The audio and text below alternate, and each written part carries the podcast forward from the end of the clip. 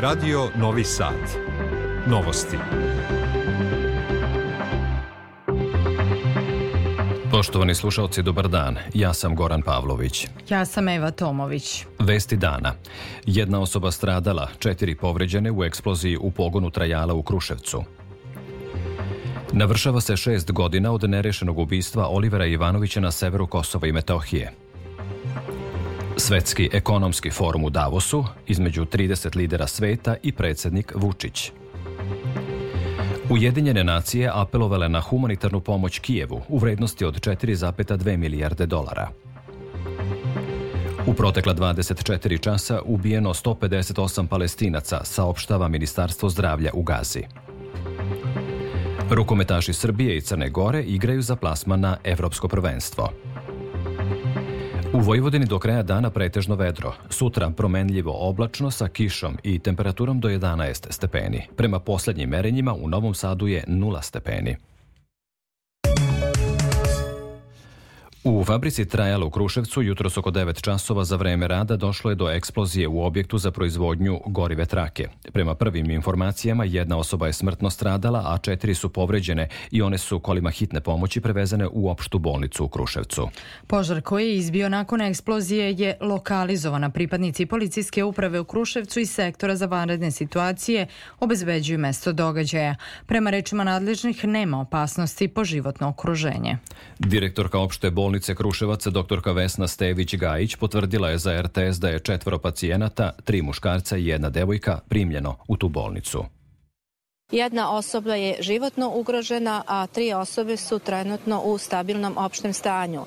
Pristupilo se prvo inicijalnoj diagnostici, sad radimo dodatnu diagnostiku i zakazan je konzilijarni pregled za osobu koja je životno ugrožena radi daljeg toka lečenja, odnosno eventualnog upućivanja u tercijarnu ustanovu.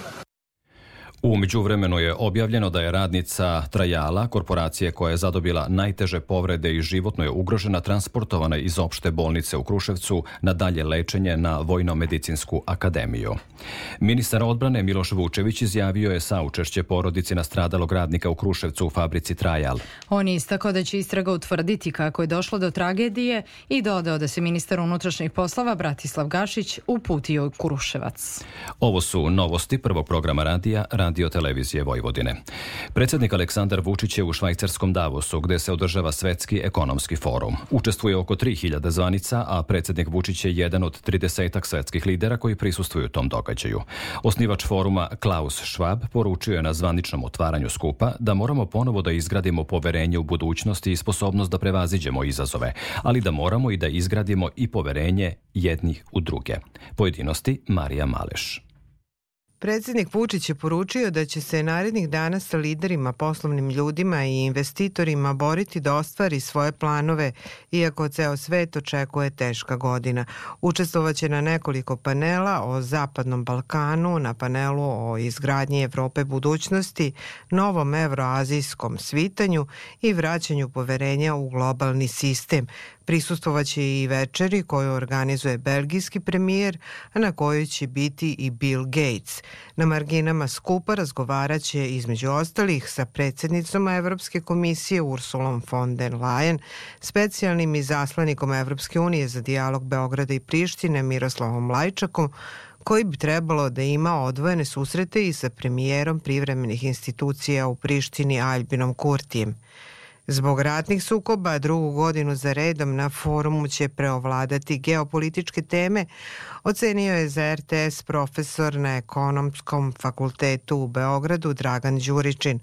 Ocenio je važnim to što se predsednik Srbije našao na tom značajnom skupu kao predsednik jedne male kontinentalne zemlje koja ima geopolitičke probleme. Ko Srbija ima velike ambicije u Biofor oblasti, To je oblast koja je bliska zelenoj tranziciji, takođe ima velike ambicije u industriji 4.0, pored fizičke infrastrukture, tako da svi ti potencijalni investitori koji žele da podele poslovne rizike sa jednim agilnim i kredibilnim partnerom su dobrodošli i očekujem da će upravo ono ponderisano liderstvo dati rezultate. U Davos stiže i ukrajinski predsjednik Volodimir Zelenski, a prisutan je i predsjednik Izraela Isak Hurcok. Osim njih u Davosu je i kineski premijer Li Qiang, koji je veći deo svog izlaganja posvetio veštačkoj inteligenciji, za koju se smatra da bi u budućnosti mogla da zameni 48 od 100 poslova koje trenutno obavlja čovek. Debata u Evropskom parlamentu o stanju u Srbiji nakon izbora zakazana je za sutra popodne na zahtev više političkih grupacija, dok će se o rezoluciji glasati na narednoj plenarnoj sednici u februaru. Detaljnije Ivan Ilić. Iako nije bilo prvobitno planirano, rasprava o stanju u Srbiji nakon izbora ipak će se naći na agendi prvog plenarnog zasedanja Evropskog parlamenta u 2024. i to u sredu uz podršku poslanika iz četiri političke grupacije. Donošenje rezolucije tražio je austrijski poslanik iz redova socijalista Andreas Schider koji je bio član delegacije posmatrača Evropskog parlamenta, a koji tvrdi da je 17. decembra bilo određenih nepravilnosti. O tome će se glasati na plenarnoj sednici u februaru. Izvestila za Srbiju Vladimir Bilčik poziva na glasanje o rezoluciji tek nakon što u narednim nedeljama bude objavljen finalni izveštaj odira određeni broj poslanika te institucije poput Andora Delija i debatu i rezoluciju smatra nepotrebnom. Evropski parlament već e, izgleda stiče tradiciju da uh, ruši poverenje između građana Srbije i evropskih institucija, naročito ove kuće Evropskog parlamenta. Takođe vidimo da je na delu takozvani mađarski scenario koji Evropski parlament, odnosno opozicija uh, u Mađarskoj već uh, od 2010. od kada je Fides na vlasti primenjuje ovde u Evropskom parlamentu. A to je da preko Evropskog parlamenta se vrši pritisak na domaću vladu. Vidimo da se taj recept sad e, primenjuje i prema Srbiji e, i s druge strane svi dobro znamo da vlast se osvaja na izborima, a ne preko međunarodnih institucija. Rasprava o ovoj temi je peta tačka na sutrašnjoj agendi i trebalo bi da počne iza 18 časova. Danas se navršava šest godina od ubistva Olivera Ivanovića, lidera građanske inicijative Srbija demokratija pravda. Ubijen je sa šest hitaca u leđa u severnom delu Kosovske Mitrovice ispred sedišta stranke. Sahranjen je 18. januara u aleji zaslužnih građana na Novom groblju u Beogradu. Izvršioci i naručioci tog ubistva do danas nisu poznati, a istrage povodom ubistva Ivanovića vođene su i u Beogradu i u Prištini. Optužnica za taj slučaj izmenjena je tri puta u roku od tri godine, ali osim što su se šestor optuženih dva puta izjasnili da nisu krivi, sudski proces nije dalje odmakao. U hramu Svetog Save u Beogradu jutros je služen pomen povodom šest godina od ubistva Ivanovića, a prisustvovali su i predsednica vlade Ana Brnabić i ministar odbrane Miloš Vučević. Pomen je održan i na mestu ubistva na Kosovo i Metohiji ispred stranke kojoj je predsedavao. Uprkos najavi da suđenje za ubistvo Olivera Ivanovića može da bude završeno krajem marta i ili početkom aprila, ne postoji informacija ko je naručio ubistvo, a ubica je i dalje na slobodi. Rekla je na pomenu u severnom delu Kosovske Mitrovice Ksenija Božović, potpredsednica građanske inicijative Srbija demokratija pravda. Naša borba traje dugo i mi nećemo prestati da se borimo jer svi uh, njegovi saradnici, prijatelji, rođaci, rodbina, na kraju građani, ne samo Kosova i Metohije, nego i cele Srbije, moraju da saznaju ko je izvršio ovo mučko ubistvo. Ovo je politički organizovano ubistvo, to smo od prvog dana govorili i počinioci moraju da odgovaraju pri licem pravde kao i nalogodavci. Sinoć je u Kosovskoj Mitrovici došlo do eksplozije ručne bombe u kojoj su dve osobe povređene, rekao je zamenik direktora Kosovske policije za region Sever Veton Eljšani. Povređene osobe nisu životno ugrožene, ali je jedna od njih teže povređena. Od siline eksplozije oko 23.50 oštećeno je i sedam automobila. Policija će više informacije imati posle uviđaja, istraga je u toku. Svet. Izraelska vojska je saopštila da su njene kopnene snage počele da deluju u Nuseiratu, u centralnom delu pojasa Gaze, šireći dalju ofanzivu protiv Hamasa. Poručuju da samo vojni pritisak na Hamas može da dovede do oslobađanja talaca. Broj ubijenih palestinaca u izraelskim vazdušnim napadima na pojas Gaze premašio je 24.000, saopštilo je Ministarstvo zdravlja iz Gaze. Iz Ujedinjenih nacija upozoravaju da veliku većinu ubijenih u Gazi čine žena i deca. Huti poručuju da će nastaviti napade u Crvenom moru dok agresija na gazu ne prestane. Izraelski ministar odbrane Joav Galant je saopštio da je intenzivna faza kopnene ofanzive na severu Gaze završena, te da će uskoro biti završena i oko grada Kan Junisa na jugu pojasa Gaze. Ratna dejstva nastavljaju se i u Ukrajini posebno borbe u Hersonskoj oblasti i u Nikopolju, a ukrajinske snage navode da ruske trupe pokušavaju da povrate izgubljene položaje u području Zaporožja i Hersona. Ruske PVO snage odbile su napad 12 ukrajinskih dronova na objekte u Voronješkoj i Belgorodskoj oblasti. U ruskom gradu Voronježu je vanredna situacija. Ukrajinski predsjednik Volodimir Zelenski stigao je u Davos na Svetski ekonomski forum. On se sastao sa generalnim sekretarom NATO-a Jensom Stoltenbergom. Švajcarska je obećala Ukrajini milijardu i po švajcarskih franaka pomoći u naredne tri godine. Rusija je sa druge strane osudila više od 200 ukrajinskih ratnih zarobljenika na dugotrajne kazne zatvora od kojih su neki dobili doživotnu kaznu, a osuđeni su zbog ubistva civila i maltretiranja ratnih zarobljenika. Turska vojska je noćas izvela vazdušne napade na kurdske militante u severnom Iraku i Siriji, uništivši 23 cilja. Najnoviji vazdušni napadi izvedeni su u ponedeljak uveče u oblastima Metina, Gara, Hakuk i Kandil u severnom Iraku, kao i u severnoj Siriji, kako bi bila osigurana bezbednost granica i sprečeni napadi, navedeno je u saopštenju Ministarstva odbrane. Porast nasilja počeo je u petak, kada je devet turskih vojnika ubijeno u sukobima sa militantima Kurdistanske radničke partije partije u severnom Iraku, što je navelo Ankaru da tamo izvede vazdušne napade kao i udare na severu Sirije. Od ostalih vesti iz sveta za novosti još izdvajamo. U bombaškom napadu samoubice u glavnom gradu Somalije, Mogadišu, troje ljudi je ubijeno dok je dvoje povređeno, saopštila je policija. Bombaš samoubica se razneo ispred jednog restorana u okrugu Hamar Vein u Mogadišu dok ga je policija gonila. Militantna grupa Al-Shabaab, koja je preuzela odgovornost za eksploziju, povezana je sa Al-Qaidom i saopštila je da su meta napada bili lokalni bezbednostni zvaničnici. Zemljotres jačine 4,8 stepeni pogodio je ponovo danas japansku prefekturu Ishikawa, ali nije izdato upozorenje na tsunami, saopštila je Japanska meteorološka agencija. Američka vojska planira da od sutra prevozi pomoć Japanu vazdušnim putem za oblasti u prefekturi Ishikawa, koje je pogodio snažan zemljotres na novu godinu, izjavio japanski ministar odbrane Minoru Kihara. On je rekao da je Japan prihvatio samo pomoć SAD-a posle zemljotresa, dok je pomoć drugih zemalja odbio zbog teškoća u postizanju dogovora o tome kako da im pomoć bude isporučena. U zemljotresu 1. januara poginulo je više od 220 ljudi, dok je trenutno više od 17.000 ljudi smešteno u evakuacione centre, hotele i druge objekte. Novosti nastavljamo domaćim aktuelnostima. Roditeljski dodatak za rođenje prvog deteta od 1. januara ove godine iznosi 371.614 dinara, saopšteno je iz Ministarstva za brigu o porodici i demografiju. Roditeljski dodatak za drugo dete koji se isplaćuju 24 rate sada iznosi 329.643 dinara. Za treće 1.977.861 dinar dinar, a za četvrto 2 miliona 966.792 dinara i isplaćuje se u 120 rata. Jednokratna pomoć za rođenje drugog i trećeg deteta za decu rođeno od 1. januara 2024. godine i kasnije iznosi 123.871 dinar.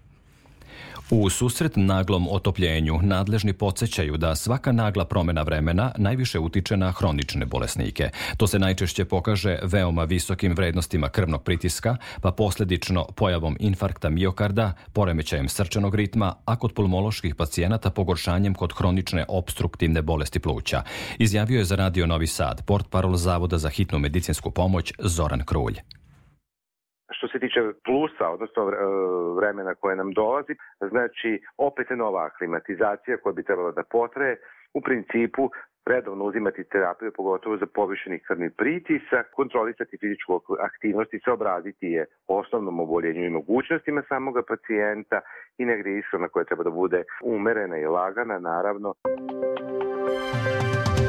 Kultura U vladi Srbije predstavljen je 17. Međunarodni filmski muzički festival Kustendorf, koji će biti održan od 23. do 27. januara na Mećavniku na Mokroj gori.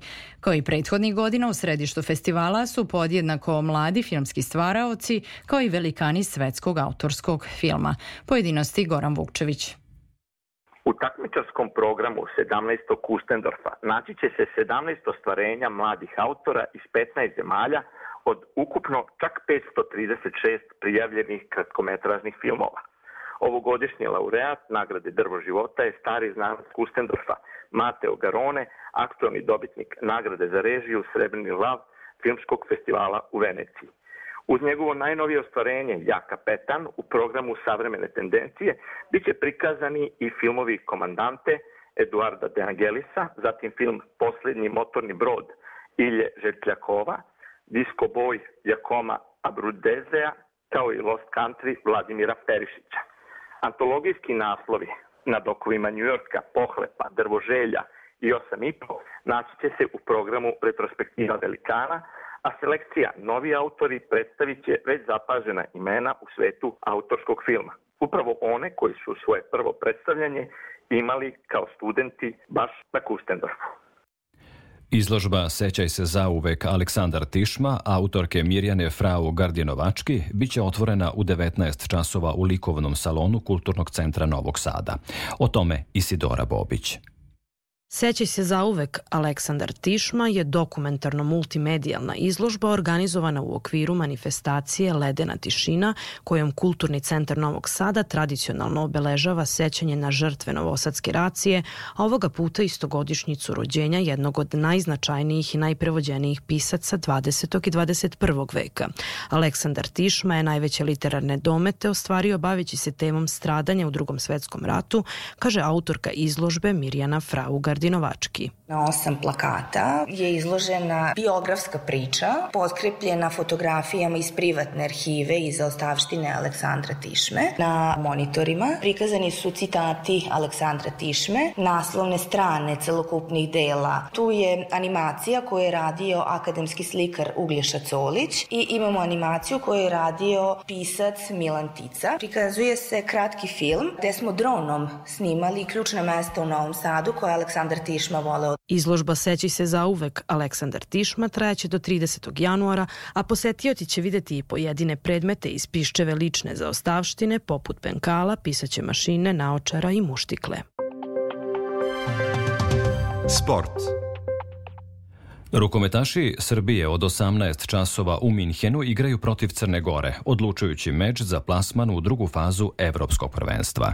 Odbojkašice jedinstva i Stare Pazove od 19 sati igraju Francuskoj protiv Miuza u šestom kolu Lige šampiona. Javno gradsko saobraćeno preduzeće Novi Sad u okviru NS Smart sistema uvodi novu uslugu plaćanja prevoza putem e-novčanika, koja će početi da se primenjuje 22. januara. Reč je o kartici na koju se uplaćuje novac putem aplikacije ili na autobuskim stajalištima i kojom će se prevoz plaćati čekiranjem na validatoru u autobusu. Od 5. februara cena karte kupljene kod vozača iznosit će 100 dinara na gradskim i 150 dinara na prigradskim linijama, kaže za Radio Novi Sad port parolka preduzeća Snežana Jaković. Izuzetno je i bitno da prilikom ulaska u vozilo korisnik mora da zna da treba da prisloni e-novčanik sa uplaćenim sredstvima na validator, takozvani check-in, nakon čega se na validator ispisuje poruka o uspešnoj, odnosno neuspešnoj validaciji. Prilikom izlaska iz vozila korisnik obavezno mora da uradi i check-out, odnosno još jedno validiranje, kako bi sa kartice bio skinut iznos do cilja putovanja. Putevi Srbije apeluju na učesnike u saobraćaju da budu posebno oprezni prilikom vožnje i da prilagode brzinu kretanja uslovima na putu, jer se, prema upozorenju Republičkog hidrometeorološkog zavoda, na području naše zemlje očekuje pojava ledene kiše u sredu i četvrtak 17. i 18. januara.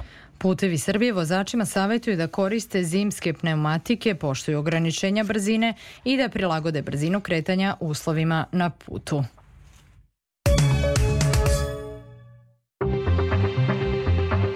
Pred kraj novosti, podsjećanje na najvažnije vesti. Jedna osoba stradala, četiri povređene u eksploziji u pogonu trajala u Kruševcu, jedna osoba životno ugrožena. Navršava se šest godina od nerešenog ubistva Olivera Ivanovića na severu Kosova i Metohije. Svetski ekonomski forum u Davosu, među 30 lidera sveta i predsednik Vučić. Ujedinjene nacije apelovale na humanitarnu pomoć Kijevu u vrednosti od 4,2 milijarde dolara. U protekla 24 sata ubijeno 158 palestinaca, saopštava Ministarstvo zdravlja u Gazi. Rukometaši Srbije i Crne Gore igraju za plasman na evropsko prvenstvo. Prema poslednjim merenjima u Novom Sadu je nula stepeni. Da čujemo i opširniju prognozu. U Vojvodini u sredu ujutru slab mraz, pre podne tek ponegde slaba kratkotrena kiša uz poledicu usled zaleđivanja mokrih površina, a u toku dana će biti toplije uz umeren i jak jugoistočni vetar, koji će na jugu Banata dostizati udare olujne jačine. Posle podne uveče kiša će početi da pada u većem delu pokrajine. Najniža temperatura od minus 4 do minus 1, a najviše od 8 do 11 stepeni. Za Radio Novi Sad, meteorolog Mijodrag Stojanović. Slušali ste novosti prvog programa Radija RTV. Sve vesti iz zemlje i sveta možete pronaći na našoj internet stranici rtv.rs gde ovu emisiju možete slušati odloženo. Novosti tonski realizovao Daniel Manojlović. Producenti Branislava Stefanović i Zoran Bečejac. Pred mikrofonom su bili urednik Goran Pavlović i Eva Tomović. U nastavku programa sledi Radio Sport. Hvala na pažnji. EPP. Decembar je mesec darivanja, a Gebi vam povodom 40 godina postojanja i rada daruje sjajne popuste na supere sve do kraja januara. Više informacija kod tvog Gebi prodavca. EPP. Radio Televizija Vojvodine poziva sve zainteresovane producente da se prijave na konkurs za odabir audio-vizualnih dela Evropske nezavisne produkcije koja će biti emitovana u programima RTV-a. Predmet konkursa su radijske i televizijske emisije i serijali. Detaljne informacije o načinu prijavljivanja potražite na stranici rtv.rs na podstranici konkursi. Konkurs za nezavisne produkcije trajno je otvoren.